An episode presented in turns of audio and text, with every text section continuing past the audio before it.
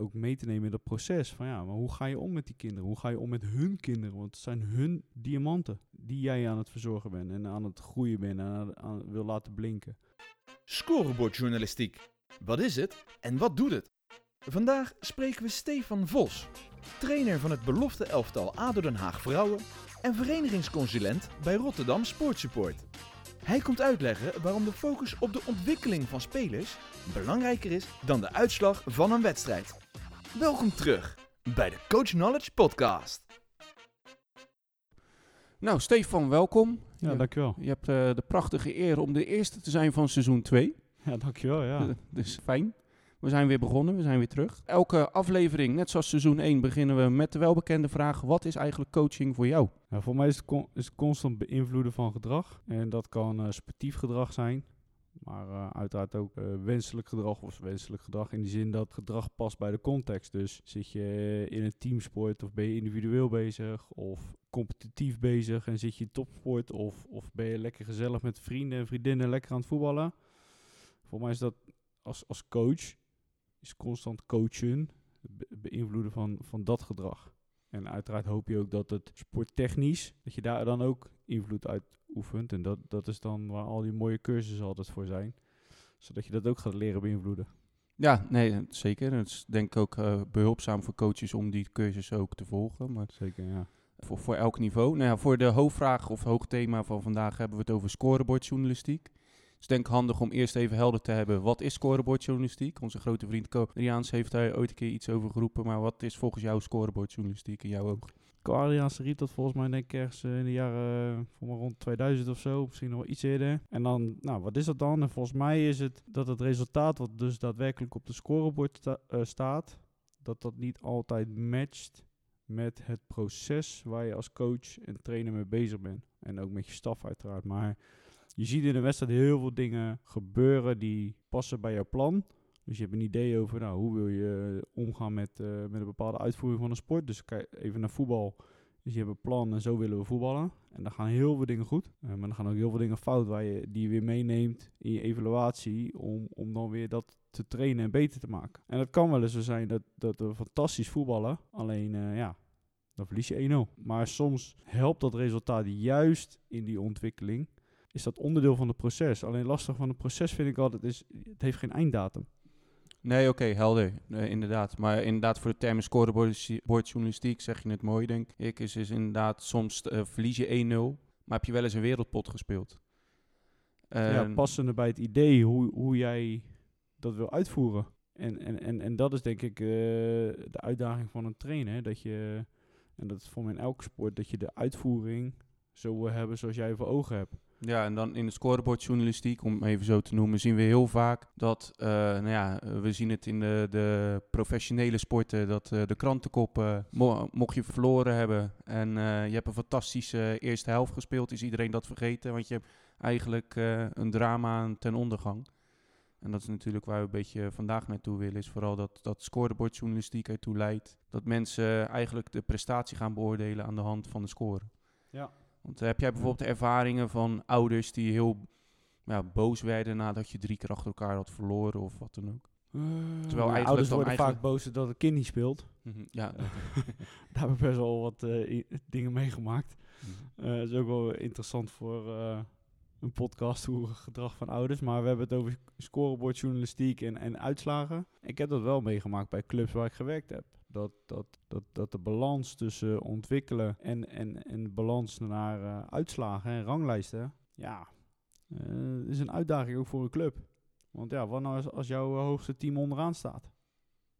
Maar ja, wat nou als de spelers wel doorstromen naar het eerste team? Ja, dus als, als, als club ben je daar volgens mij constant mee in dilemma. Dat ja, eh, we moeten wel winnen. Zoals ik het tenminste persoonlijk zie, ik denk dat jij die mening wel deelt. Dus ik denk, als je een goede ontwikkeling hebt en je plan is goed, dan komt winnen vanzelf. Alleen heel veel mensen eromheen zien dat niet. Ik, we refereer dan net aan de professionele sport, waar je de krantenkop hebt, maar ook de amateurvereniging, waar de meeste mensen natuurlijk zitten.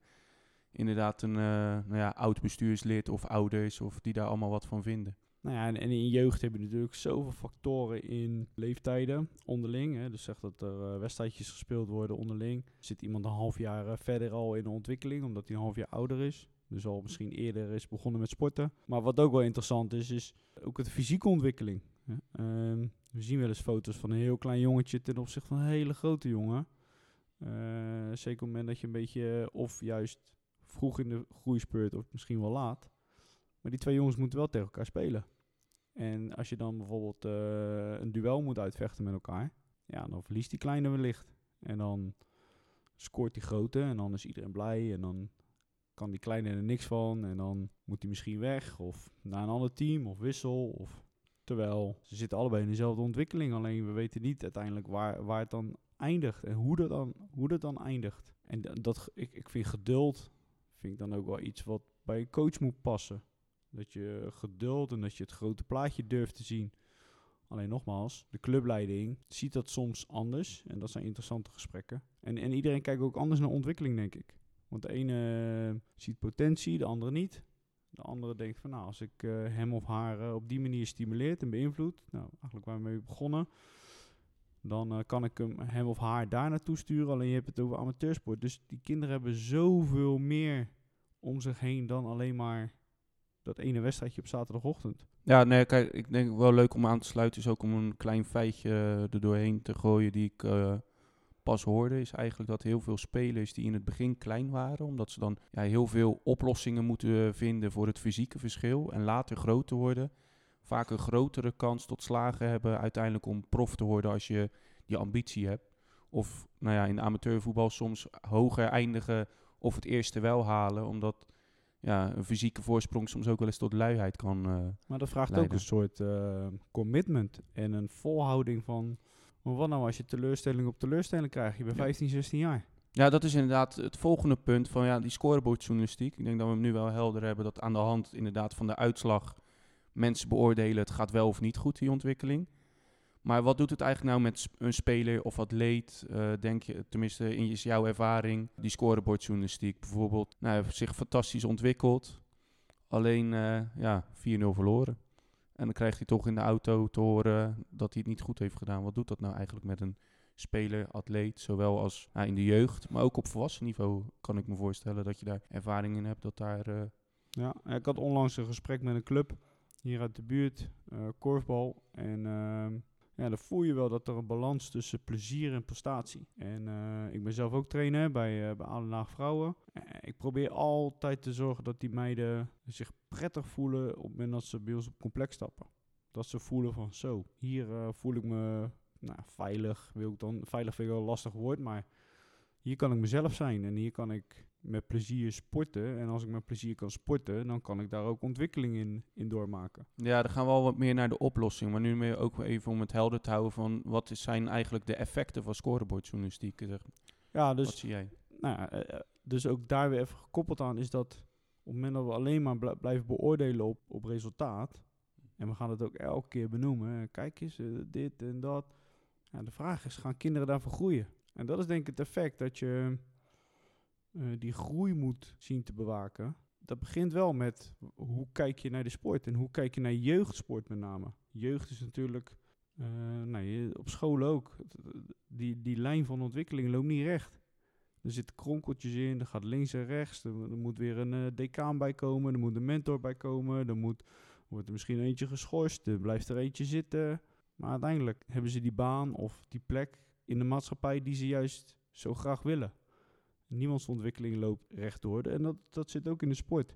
En, en dat moeten we wel blijven zien als, als coaches en, en als clubleiding. Ja, nou vooral dat. En ik denk vooral inderdaad mentale gesteldheid, die in deze tijd waar we nu in zitten sowieso al eh, vrij ingewikkeld is. En dan, ik- ja, als ik daarop ik, persoonlijk vind ik mentaal best wel een groot begrip. Oké, Eh, en dat heeft met name te maken dat ik vind, en ik, ik weet niet wat dan het juiste begrip is, maar wel hoe ga je om met gedachten, gevoel in je, in je lichaam? Hoe ga je om met je emoties? Hè? Dat voel je, dat, er zitten gedachten in je hoofd van, nou, misschien als ik dit doe en of ik heb dat gedaan, is dat wel het juiste? En volgens mij is met name het omgaan ermee. Ik, ik vind mentaal is dan, ja, eh, het- hij is eh, mentaal niet sterk. ja, dat is het containerbegrip, vind Ja, jij, zeg maar. Ja, ik ben dan wel benieuwd ja, maar wat is dan, wat gebeurt er dan in zo'n jong of meisje hoofd? Of welk gevoel ontstaat er op het moment dat hij of zij op het veld stapt of er gebeurt wat? Of, of ja. En, en dat vind ik wel interessant. Ja, dat is zeker interessant. En ik denk ook dat dat een beetje het spectrum is waar we vandaag in zitten eigenlijk. En dan gaan we naar het volgende punt van ja, we scorebordjournalistiek. Nou ja, wat is het? Wat doet het? Dat hebben we nu duidelijk. Dan komt de welbekende vraag, wat dan wel? Hoe gaan we nou prestaties beoordelen? En eh, nou ja, je benoemt net denk ik al een mooi spectrum, een bepaald soort gevoel creëren dat toch bij die nederlaag een speler of speelster het gevoel heeft van ja, maar ik heb dat wel verbeterd vandaag. Ja, dus jij als coach kan, uh, kan er naar vragen. En het begint natuurlijk met vooraf hoe we bepaalde doelen hebben gesteld. Of dat nou op teamniveau is of, of per individu. Je kan per individu zeggen, ja, ik moet beter worden in, uh, ik veel, duel spelen. Nou, oké, als je dat uh, wilt doen, dan gaan we dus ook kijken van, ja, hoe is dat dan gegaan? Hoeveel duels heb je ook gewonnen? En hoe sta je dan in die situaties? En, maar ook als team, hè, hoe hebben we het voor elkaar gekregen met elkaar? En, uh, nou, dan door middel van die vragen stellen en de antwoorden die ze geven, kan jij polsen. Oké, dus dit is wat ze ervan geleerd hebben, dit is wat ze ervan mee hebben genomen.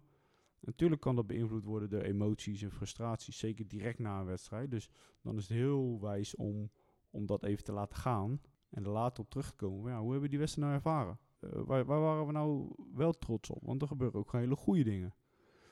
Ja, ik heb dat goed gedaan, dat oké, maar wat nou als we die wedstrijd morgen weer gaan spelen? Wat zou je dan nou weer anders doen? Nou, en op basis van die, van die antwoorden weet jij, oké, we, hebben weer een stapje gezet in de ontwikkeling. Want ze zijn er wat bewuster mee uh, in, in aanraking mee gekomen. Ze zijn er bewuster mee omgegaan. Nou, en dat kan je dan weer verwerken in je trainingen en oefeningen. En ze ook daar weer op bevragen. Ja, oké. Okay, want nu merk ik vooral, ja, dit is inderdaad hoe een coach het ervaart en ziet. En ja. een poging, maar uiteindelijk is het ultieme doel het zal nooit 100% lukken, want er zit altijd in. Iedereen wil winnen, anders doe je niet mee aan een sport. Is uh, ook een beetje mijn uh, idee erbij. Maar nou, je, je, benoemt heel mooi hoe je dat gevoel kan bespelen. Maar hoe ga je er nou echt voor zorgen dat een speler of speelster ook echt dat gevoel gaat hebben? Want nou ja, je, je hebt ook een voorbeeld van een speler die ik bijvoorbeeld heb gehad. Die, al kon ik uh, de halve week later van ja, dat ging toch hartstikke goed, vent. Je hebt het hartstikke goed gedaan en dit en dit is beter gegaan. Ja, maar ik heb verloren. Punt. Dat was dat. En hoe ga je nou met zo'n speler om? En hoe ga je, denk jij, toch ervoor zorgen dat diegene toch dat gevoel gaat van ja, ik heb eigenlijk wel succes behaald? Wij, wij zijn natuurlijk wel twee verschillende personen in een coach en als speler. Een speler is 14, 15, misschien wel jonger, ziet niet direct de consequenties of het grotere plaatje. En wij als coach zien, als het goed is, wel dat grotere plaatje. Alleen moeten we hem of haar helpen door kleine voorbeelden, concrete voorbeelden waarin hij of zij het heel goed heeft gedaan en, en waarin het wel gelukt is. Uh, ik vind bijvoorbeeld coach uh, Steve Kerr, een basketbalcoach, vind ik een fantastische coach die, die gewoon aan spelen zegt van, oh mijn god, jij bent echt zo goed. Wat jij net gedaan hebt, ja, ik zou dat nooit kunnen. En dus je, je spelers op een nog groter podium zetten en dat ze echt gevoel hebben van, oh ja, echt, is dit echt zo? En daar gaan kinderen enorm van groeien. Alleen op het moment dat zij zelf ook zien dat ze succes behalen door hetgeen wat ze doen, da dan, gaan, dan gaan ze dat goede gevoel krijgen. Alleen dat betekent wel dat de hele omgeving moet zeggen dat hij of zij het goed heeft gedaan. Als jij zegt van ja, je doet het hartstikke goed en, uh, en de jeugdspeler stapt in de auto en die zegt ja, man, man, man, ik weet niet waar jij vandaag was. Ja, dan is jouw jouw coaching niet heel krachtig meer. Want dat wordt beïnvloed door, door andere mensen. En, en de kracht is dan denk ik om ook daar invloed uit te oefenen op, op die mensen. En ook mee te nemen in dat proces. Van ja, maar hoe ga je om met die kinderen? Hoe ga je om met hun kinderen? Want het zijn hun diamanten die jij aan het verzorgen bent. En aan het groeien bent en aan, aan, wil laten blinken. Maar ja, dat betekent wel dat ze de ruimte moeten geven zodat je kan poetsen. Ja, en hoe tackle jij dat? Ik denk uh, wel nou, bekend aan het begin de oude avond of uh, nou, door ja. uh, gesprekken in het seizoen? Of? Beetje afhankelijk ook welke leeftijd ik heb met, met, met, met mijn groep. Maar ik deed bijvoorbeeld uh, oude spreekuur, waarin ik gewoon heel mijn werkwijze liet zien. Alles wat ik deed, dat liet ik gewoon aan hun zien. Zodat ze meegenomen werden in het proces. En ik had het een beetje afgekeken van school, denk ik. Dat ze tien minuten gesprek en nou, waar alle werkjes van het kind op tafel liggen en dat dat besproken wordt. Toen dacht ik, ja, dat is eigenlijk ook wat ik zelf wil. En met die ouderen doe ik wel eens gewoon uh, ouders bellen. Maak gewoon een telefoonrondje. Hoe komen ze thuis? Uh, hoe zitten ze erin? Hoe reizen ze naar de club toe? Omdat die ouders zijn wat meer op afstand. Die, eh, de meiden die ik nu coach, die reizen zelfstandig. Dus maar ja, ik moet wel, ehm, ook na wedstrijden loop ik gewoon even bij die ouders. Ga ik gewoon daar zitten of staan. En eh, nou, dan hebben ze wat reacties op de wedstrijd. En eh, nou, dan hebben we in ieder geval een gesprek en contact. Eh, maar ook af en toe van, hoe is het met haar? Of, nou, zo probeer je... Kijk, ik, ik ben wel een trainer die, ehm, of ja, coach die, die transparant probeert te zijn. Zodat iedereen ziet wat ik aan het doen ben. En er ook vragen over kan stellen. Ja, nou om ook een beetje het voorgaande allemaal samen te vatten. Dus vooral in het hoe wel beoordelen is hele duidelijke doelstellingen creëren voor speler, speelster. Die eigenlijk niet met resultaat te maken hebben, maar meer op eh, ja, eh, sporttechnische kwaliteiten. Ja. Eh, noem het een lay bij een basketbal of misschien een strafcorner bij een hockey of inderdaad bij voetbal duels. Ja. En daarna wat jij als advies geeft eh, van hoe zorgen we ervoor dat diegene zich dat echt gaat ervaren, die sporter, is neem de sporter mee. Kracht van herhaling hoor ik hier ook wel terug, denk ik. En Ja, betrek de omgeving erbij. Ja, ja omgeving eh, beïnvloedt zijn, zijn of haar ontwikkeling. Dus maar dan hebben we dat in ieder geval helder. Dan, eh, de- voor de luisteraar denk ik ook een mooie, mo- even een goede sa- om een samenvatting te maken. Ja, fijn. Ehm, dan is eigenlijk vooral uit jouw rol, omdat je natuurlijk heel veel sporten ziet in jouw rol eh, bij Rotterdam. En wat kunnen andere sporten nou eens van elkaar leren? Daar ben ik heel erg benieuwd naar, vooral in dit onderwerp.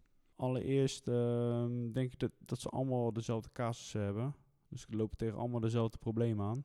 Eh, en de buurman eh, lost het weer anders op dan de buurvrouw. Alleen dat, dat hek wat om dat sportcomplex staat, zorgt er ook voor dat het afstand houdt.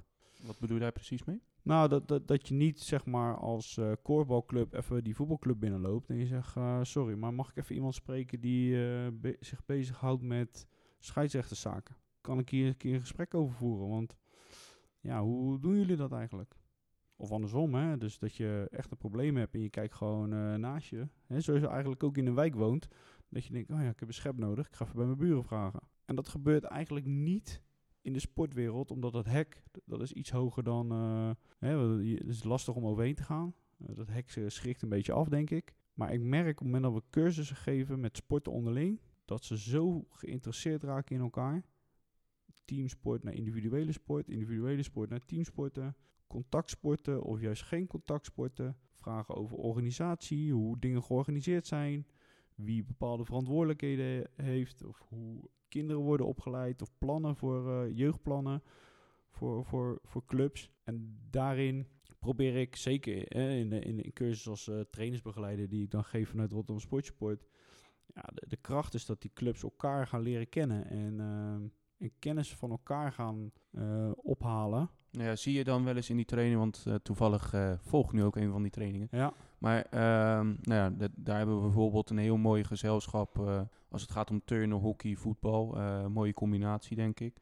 Maar even op dit onderwerp, want nou, je benoemt denk ik een heel mooi onderwerp binnen de sport wat, waar heel veel ruimte tot ontwikkeling zit. Maar zeker. als je nou naar dit onderwerp kijkt, zie jij bijvoorbeeld binnen die cursussen ook gesprekken ontstaan op dit onderwerp? En zie jij dan wel eens bepaalde thema's die worden uitgewisseld, die bijvoorbeeld omdat turnen op een bepaalde manier traint of doet of kijkt naar een prestatie, dat dat overgenomen wordt in een, noem even een hockey of voetbal, basketbal, waardoor je eh, eigenlijk van de scorebordjournalistiek wegblijft of misschien beter inderdaad op dat ontwikkel, ja, ontwikkelprestatie, laten we het even zo noemen, gaat zitten. Ja, nou, die cursus die je volgt, die is, die is sowieso niet sporttechnisch. Dus Nee, je, gaat klopt. kijken, je gaat kijken naar eh, eh, wat er daadwerkelijk gebeurt in de zaal of op een sportveld. Mhm. En met die trainer en met die kinderen. En ik heb meegemaakt dat er een voetbalcoach in een turnhal zat. En dus feedback kon geven aan, aan degene die die turnles verzorgde. Heeft wel te maken in waar gaan we dan naar kijken en hoe geven we dan die feedback. En Ja, en die inhoud vind ik vooral heel interessant. Van, wisselen ze daar dan informatie over uit? Wel met welke verwachtingen, met welke verwachtingen staan we dan in die sporthal of op dat veld. En, en dan zie je wel dat het ogen opent en hoe ze omgaan met bepaalde niveaus. En eh hockeyclub Rotterdam bijvoorbeeld heb ik meegemaakt dat er een boxcoach op het veld stond met de hoogste jeugd van, eh, van Nederland, hockeyjongens. Ja, en die geeft gewoon feedback aan die trainer. En, en dat is mooi om te zien. Dat en weet je ook wat daar uitgehaald is dan? Want daar ben ik dan wel heel benieuwd naar. Maar volgens mij ehm, ging het erom dat eh, niveaus in de groep dichter naar elkaar toe moesten. En dat hij daar nog een uitdaging zag voor zichzelf. Nou, daar gingen we naar observeren, naar dat gedrag. En uiteindelijk kwamen we tot de conclusie dat hij daar niet specifiek genoeg bezig was, mee bezig was gedurende zijn training. Dus ook in zijn trainingindeling. Dus hoe richt ik groepen in of hoe vaak komen bepaalde spelers aan de beurt, et cetera. Nou, dat, dat was uiteindelijk ook de feedback die hij terugkreeg. Hij zegt, ja, eigenlijk moet ik dat wel specifieker organiseren, zodat ik wat meer aandacht kan hebben aan, aan de onderkant van mijn groep, zodat die dichter bij de bovenkant van mijn groep komen qua niveau. Dus dat was dan de concrete feedback. Maar dat zegt dus niks over hoe paas ik een bal, hoe schiet ik een Nee, bal. nee, nee. Maar ik denk ook het onderwerp wat we vandaag aansnijden is ook niet inderdaad over sporttechnische eh, dingen. Maar ik denk wel wat ik eh, uit dit verhaal haal is denk ik wel doordat hij hiervan bewust is geworden dat ook, nou noem het even de onderkant van de groep, heel eh, lelijk gezegd misschien, maar zich ook wel gehoord voelt en misschien ook wel meer eh, succesbeleving gaat krijgen. Ik denk dat dat Ja. wel een resultaat is. En Ja, dat is het resultaat wat je wil hebben. Alleen belangrijk is ook voor die, voor die trainer zelf, dat hij aan de voorkant, voordat hij zo'n training geeft, dat hij dat leerdoel ook benoemt. Zodat degene die daarna gaat kijken, daar ook feedback op kan geven. En wat er helaas wel eh, vaak gebeurt, is dat we aan de... Dan gaan we het veld op, dan gaan we het veld op en dan gaan we gewoon naar training kijken. En, en dan wordt er gewoon gezegd, jezus, wat een slechte training. Zeg, wat is hij nou aan het doen? Maar we hebben geen flauw idee met welk doel hij die training geeft en wat hij wil bereiken met die training. Terwijl als je dat aan de voorkant weet, dan ga je anders kijken naar zo'n training. Dan zeg je, oké, dus dit is wat hij eruit wil halen. Haalt hij dat er ook uit met hetgeen wat hij doet en welke stappen hij daarin neemt. En na afloop kan je dan zeggen, nou, hoe heb je dan, hoe is die training gegaan in jouw beleving? Heb je hetgene weten te behalen wat je wilde halen? Nou, en dan terugkomen naar wat, wat zijn dan die sporten onderling, is, is met name mm, dingen organiseren. Dus hoe organiseren we dingen bij de club? Ik weet dat bijvoorbeeld Alexander 66, die heeft ooit ondersteuning gegeven vanuit uh, voor scheidsrechterscommissies, hoe ze dat organiseren en hoe ze intern scheidsrechters opleiden en begeleiden.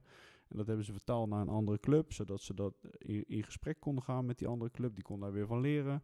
Nou ja, ik denk dat, dat heel veel sporten dezelfde casussen hebben, alleen altijd de weg naar een bond opzoeken in plaats van naar de buurman. Want daar gebeuren ook dezelfde situaties. Dus juist in de casus van hoe voorkom je scorebordjournalistiek. Ik denk dat dat wel Ja, uh, goeie, sportbreed ja. is. Uh, is eigenlijk jouw tip, als ik hem voel, is wel ja, luister naar elkaar. En als ik uiteindelijk de hele bottomline hoor, is stel een doel en hou dat doel eigenlijk constant helder en coach vooral daarop. Ja, ja uh, je kan beter dat heel goed houden of maken.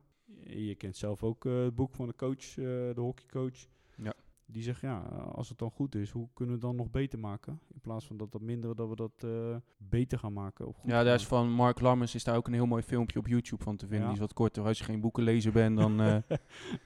ik lees nu ook weer eens wat boeken, maar inderdaad voor de, voor de beeld. Uh, en ik vond dat een heel mooi filmpje. Ik heb misschien net de gras al een beetje voor je voeten weggemaaid. Maar uh, waar ik altijd het hoofdonderwerp mee afsluit, is eigenlijk de vraag: wat voor adviezen wil jij iedereen meegeven? Dus wat is jouw ultieme tip over het onderwerp van vandaag? Dus het voorkomen van scorebordjournalistiek en het focussen op eigenlijk ja, prestatiegericht succes, laat ik het zo zeg maar zeggen. En dan in de pre prestatie bedoel ik vooral: nou, we hebben een doel. Ik moet beter worden in duels. Ik moet een betere lay-up doen.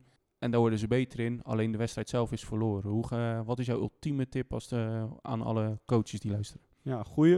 En ik denk dat een beetje een samenvatting is van hetgeen wat ik net allemaal benoemde. Is dat een, een kind ontwikkelt zich niet in een, uh, in een rechte lijn. Die lijn die heeft kronkels en kom, die komt van alles tegen. En die, die lijn wordt ook beïnvloed door alles wat een kind meemaakt. Zeker uh, vandaag de dag is dat kinderen heel erg... Nou, je moet tegenwoordig afspreken om bij iemand te spelen. Um, ik weet nog toen, toen ik wat kleiner zei, ik, um, mama, ik ga daar spelen of mag daar spelen, punt. Maar nu is het, moet je echt een agenda plannen dat je bij elkaar gaat spelen. Beetje Amerikaans aan het worden. Maar die hele omgeving van zo'n kind heeft invloed op die ontwikkeling. En ik ben van mening dat ontwikkeling van kinderen per drie maanden gemonitord moet worden. Hoe zit iemand uh, in zijn vel? Hoe gaat die ontwikkeling? Gaat het goed? Zo niet. Wat hebben wij eraan gedaan om die ontwikkeling te bevorderen? Of je kan niet verwachten van kinderen dat ze, dat ze zichzelf gaan ontwikkelen. Daar zijn wij als coaches en als clubs voor om daarin te helpen. En je kan ontwikkelen als sporter, maar ook als mens. Dus die kronkel, die, die, die, die weg naar uiteindelijk het einde van je ontwikkeling. Ja, die ontwikkeling die eh, blijft altijd gaan, want je ik ben van mening dat je heel je leven blijft ontwikkelen. En dat is het mooie eraan. Eh, maar ook het lastige. En ik vind wel dat, dat wij als clubs of als coaches daar een enorme voorbeeld in moeten zijn. Richting die kinderen, richting ouders, om die, bevoorde of om die ontwikkeling maar te blijven stimuleren en, en ze te blijven uitdagen. En dan uiteindelijk, ja, je weet, je weet niet waar het gaat, gaat eindigen. Dus Ja. zelf eigenlijk het ont- de ontwikkelcultuur creëren, waardoor inderdaad ook de omgeving mee te nemen, hoor ik jou eh, zeggen. ja, en zeker. waardoor iedereen uiteindelijk de focus gaat leggen op ontwikkeling en niet op die prestatie van zaterdag, zondag of welke dag het ook is. Nee, en v- voor mij ontwikkel je als sporter en als mens. Dus als iemand te laat is, vaak te laat is, dan moeten we gewoon kijken, hoe komt het nou dat, dat hij of zij elke keer te laat is? Of als de spullen niet op orde zijn, materialen of het gedrag, eh, iemand is aan het vloeken. Ja, waar komt het dan vandaan?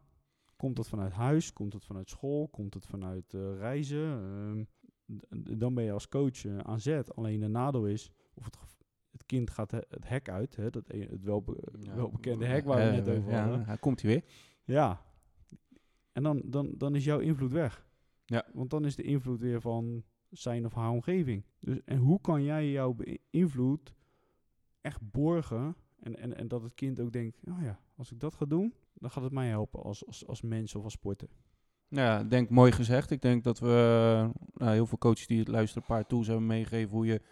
Misschien gaat het niet zozeer altijd helemaal nu over sco scorebordjournalistiek, maar wel denk ik meer de vraag hoe hou je kinderen en vooral de omgeving betrokken bij ontwikkelen. Hoe kijken we daarnaar en hoe zorgen we dat mensen een gevoel krijgen bij ontwikkelen en nou ja, ook de, de voldoening halen uit ontwikkelen. En dan komen we langzaam naar het einde toe. En eh, ik zie hem, eh, dat zien de mensen thuis niet, maar ik hier wel. Ik zie hem er langzaam al bij pakken. Ik heb je de, vraag die ik aan iedereen stel. En eh, seizoen 2 zal dat ook gewoon weer gaan gebeuren, omdat ik ze allemaal heel mooi vind eh, achter elkaar. Wat is de tegelwijsheid die jij graag mee wil geven of die je wil noemen? Eh, Als, ik, als het seizoen 2, dan wil ik er ook twee delen. Ik, je gaat er gelijk voor. Eh, ik vind het heel lastig, want er zijn twee, en, en ze zijn niet van mezelf. Eentje van Chris de Korte. Ja, die ken ik nog wel, ja. En denk ik, eh, een master in coaching. En die heb ik een keer meegemaakt in een eh, Tai Chi les. En die zei, eh, je kan pas anderen coachen wanneer je jezelf kan coachen. Toen dacht ik, ja, Een mooie inderdaad van een hele. En eentje die ik eigenlijk overal gebruik, die is van Josie Verdonkschot, een roeicoach. En die zegt, zorg ervoor dat je alles wat je kunt beïnvloeden, ook beïnvloedt. Maar laat je in godsnaam niet ook beïnvloeden door wat je niet kunt beïnvloeden. Ja, dat is denk ik wel een van de belangrijkste. En zo leef ik ook wel. Dat ik ga me niet druk maken om eh, dingen die waar ik geen invloed eh, in heb of op heb. En op het moment dat ik ergens invloed op heb, dan, ja, dan, dan zie ik daar kans in. Dan gaan we er ook voor. Ja. Precies. En dat, dat geeft al heel veel rust als coach, maar ook als mens. Dat je denkt, ja, ja daar heb ik geen invloed in. Ja, maakt de hoop dingen denk ik een eh, stuk makkelijker. Ik denk mooi advies voor de mensen thuis. Ik wil jou heel erg bedanken. Ja, jij bedankt. En Ja. ehm, nou, we, we kennen elkaar al een hele tijd. En ik vind het heel leuk om in deze setting eh, eh, zo eh, over sport te praten. Ja, dankjewel Steve. Spreek elkaar. Dankjewel. Hoi, Hoi. Bedankt voor het luisteren naar de Coach Knowledge Podcast. Wil jij meer te weten komen over coaching? Of zit je zelf met een vraag? Laat het ons weten.